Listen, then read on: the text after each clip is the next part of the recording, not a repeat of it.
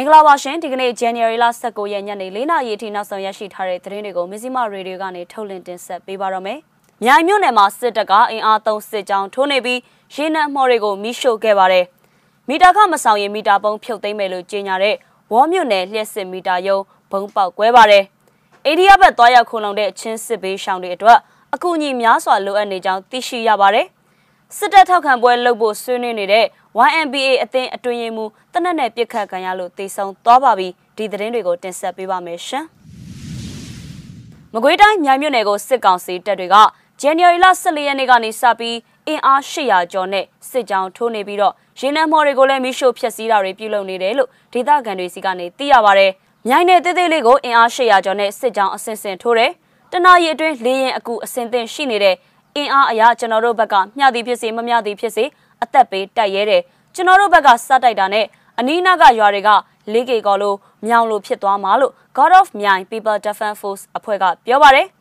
မြိုင်မြို့ပေါ်ကနေစပြီးပေါက်နယ်အဆက်ပလဲနယ်အဆက်တွေကိုဗတ်ပေါင်းစုံကနေစစ်ကြောင်းထိုးနေတာဖြစ်ပါတယ်ရွာကိုစဝင်တာနဲ့တနက်ဖောက်မီးစာရှို့တယ်မှော်ထဲမှာရင်းနှံချင်းတွေကိုမိုက်ကြေခွဲပြီးစီတလုံးဘလောက်ဆိုပြီးကောက်တယ်မပေးနိုင်ရင်မီးရှို့တယ်ပြင်းရင်ပြစ်တယ်ရွာထဲမှာလူတွေမရှိရင် ကြံခဲ့တဲ့လူတွေကနေတဆင့်ပြန်ခေါ်ခိုင်းတယ်ပြန်မလာရင်အိမ်မီးရှို့မယ်ဆိုပြီးချင်းချောက်တယ်လို့လည်းအဲ့ဒီဒေသခံကပြောပြပါရယ်စစ်ကောင်စီကအမြိုင်မြို့နယ်ဝဲတောင်မြောက်ရွာနဲ့ဝဲတောင်တောင်ရွာမှာတက်ဆွဲထားပြီးလက်နက်ကြီးလက်နက်ငယ်တွေနဲ့ရန်တမ်းပစ်ခတ်တာပြည်သူပိုင်ရင်နံချင်း15ကျင်းလောက်ကိုမိရှို့ဖျက်ဆီးတာတွေလည်းလုပ်ခဲ့တယ်လို့သိရတာပါဖမ်းဆီးသွားတဲ့မိန်းကလေး9ယောက်တည်းက4ယောက်ကတော့ညနေပိုင်းမှာပြန်လွှတ်ပေးပြီးတယောက်ကိုတော့မလွတ်ဘူးဖုန်းထဲကသူ့ရဲ့ချစ်သူက PDF ဆိုတော့ပုံတွေမြင်ပြီးမလွတ်တာပါလို့သူကပြောပြပါရယ် ဒါအပြင်စိတ်ဝေဒနာတဲ့တအူးကိုလည်းတနက်နဲ့ပြစ်သွားတယ်လို့ဆိုပါတယ်စစ်ကောင်စီကမြိုင်မြို့နယ်ဝဲတောင်မြောက်ရွာနဲ့တောင်ရွာမှာတက်ဆွဲထားတာကြောင့်အဲ့ဒီရွာနှစ်ရွာအပါဝင်ဘေးနားမှာရှိတဲ့ရွာတွေကဒေသခံစုစုပေါင်း9000လောက်ကလည်းစစ်ဘေးရှောင်နေကြရတာပဲဖြစ်ပါတယ်ပဲခူးတိုင်းဒေသကြီးဝေါ်မြို့နယ်လျှက်စစ်မီတာရုံမှာ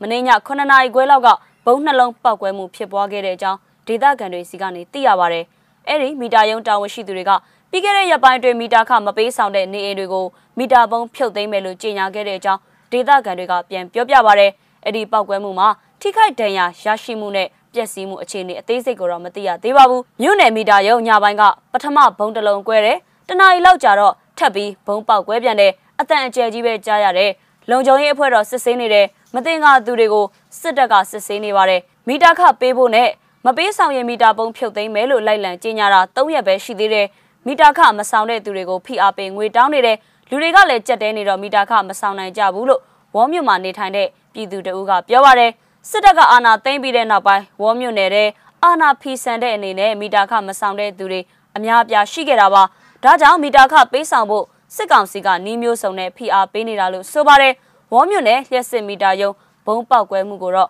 ဘယ်အဖွဲ့ကပြုလုပ်ခဲ့တယ်ဆိုတာမသိရသေးပါဘူးရှင် ချင်းပြည်နယ်မတူပီမြို့နယ်တဲ့စစ်ကောင်စီတပ်တွေနဲ့ဒေသခံပြည်သူ့ကာကွယ်ရေးတပ်တွေကြားဖြစ်ပွားတဲ့တိုက်ပွဲတွေကြောင့်ချီလင်ခရီးနဲ့အိန္ဒိယနိုင်ငံမီဇိုရမ်ပြည်နယ်တွေကိုဝင်ရောက်ခိုလုံကြတဲ့စစ်ဘေးရှောင်တွေကအတော်လေးအခက်ကြုံနေကြပါတယ်။မတူပီနယ်ကနေမီဇိုရမ်ပြည်နယ်စီရောက်ရှိဖို့ငွေကြေးတက်နိုင်သူတွေကစိုင်ကယ်ငှားရမ်းအသုံးပြုနိုင်ပေမဲ့လည်းအများစုကတော့6ရက်နီးပါးချီလင်ခရီးကိုဖြတ်တန်းနေရတာပါ။လမ်းမှာအသက်ကြီးတဲ့သူတွေအများကြီးပါလာကြတယ်။စိုင်ကယ်တက္ကစီငှားရင်လည်း၄သိန်းခွဲလောက်ပေးရတယ် မပေးနိုင်တော့အခြေချင်းနဲ့လမ်းလျှောက်ကြတာပေါ့လို့မတူပီမြို့နယ်ကစစ်ဘေးဒုက္ခသည်တအုပ်ကပြောပြတာပါလက်ရှိမှာမတူပီမြို့နယ်တွေကရွာ9ရွာနီးပါးရွာလုံးကျွတ်ထွက်ပြေးတိမ်းရှောင်နေရပါပြီရွာပေါင်း30ကျော်ကစစ်ဘေးရှောင်ဦးရေ4000နီးပါးရှိနေတယ်လို့လည်းဒေသခံစစ်ဘေးရှောင်တွေစီကနေသိရတာပါတချို့ကျေးရွာတွေကရွာလုံးကျွတ်ပြေးနေကြရပြီးတင်းရှောင်မှုမလုပ်ခင်မှာနေအိမ်တွေမှာမွေးထားတဲ့ချက်ဝက်တွေဆိုလာပြားတွေနဲ့ဘက်ထရီလိုပစ္စည်းတွေကို တင်းရှောင်တာမပြုတ်လို့တဲ့ဘာသာရေးဆရာတွေစီရသလောက်ဈေးနဲ့ရောင်းချခဲ့ကြပါတယ်။အခုထိမတူပီတဲကနေအစုလိုက်အပြုံလိုက်လာနေကြတော့ပဲကျွန်တော်တို့လည်းမနေ့ကမှမီဇိုရမ်ပြည်နယ်တဲကလောင်းတိုင်မြို့ကိုရောက်လာကြတာဒီမှာအရန်ခက်ခဲကြတယ်။အိမ်ငားနေဖို့အတွက်လည်းအခန်းတွေကမရှိတော့ဘူး။ကြက်ချန်သားသားရှိတဲ့အခန်းတစ်ခုကိုရူပီ2000ပေးရတယ်။မြန်မာငွေ6000နီးပါးပေါ့။ဒါတောင်ငှားဖို့နေရာမရှိတော့ဘူး။ကိုဗစ်ကလည်းဒီမှာပြန်ထနေတော့တော်တော်လေးဒုက္ခရောက်ရတယ်လို့မီဇိုရမ်မှာရောက်ရှိနေတဲ့စစ်ဘေးရှောင်တဦးကပြောပြလာတာပါ။ အရင်ကစစ်ဆေးရေးဂိတ်တွေမရှိတဲ့အိန္ဒိယနယ်စပ်မှာဒီရက်ပိုင်းတွင်စစ်ဆေးရေးဂိတ်တွေမှာအိန္ဒိယစစ်တပ်ကစောင့်ကြည့်စစ်ဆေးတာတွေလည်းပြုလုပ်နေပါတယ်ရှင်။မွန်ပြည်နယ်တန်ဖြူစရဲမြို့နယ်ကြုံကြတဲ့ကျေးရွာမှာတော့စစ်တပ်ကိုထောက်ခံနေတဲ့အဖွဲ့အစည်းတစ်ခုဖြစ်တဲ့ဗုဒ္ဓကရယာနာယူဝအသင်း YMBA အသင်းအတွင်းရေးမှူးတဦးမနေ့ကမနက်ပိုင်းမှာတနက်နဲ့ပြစ်ခတ်ခံရပြီးတေဆုံးသွားခဲ့တယ်လို့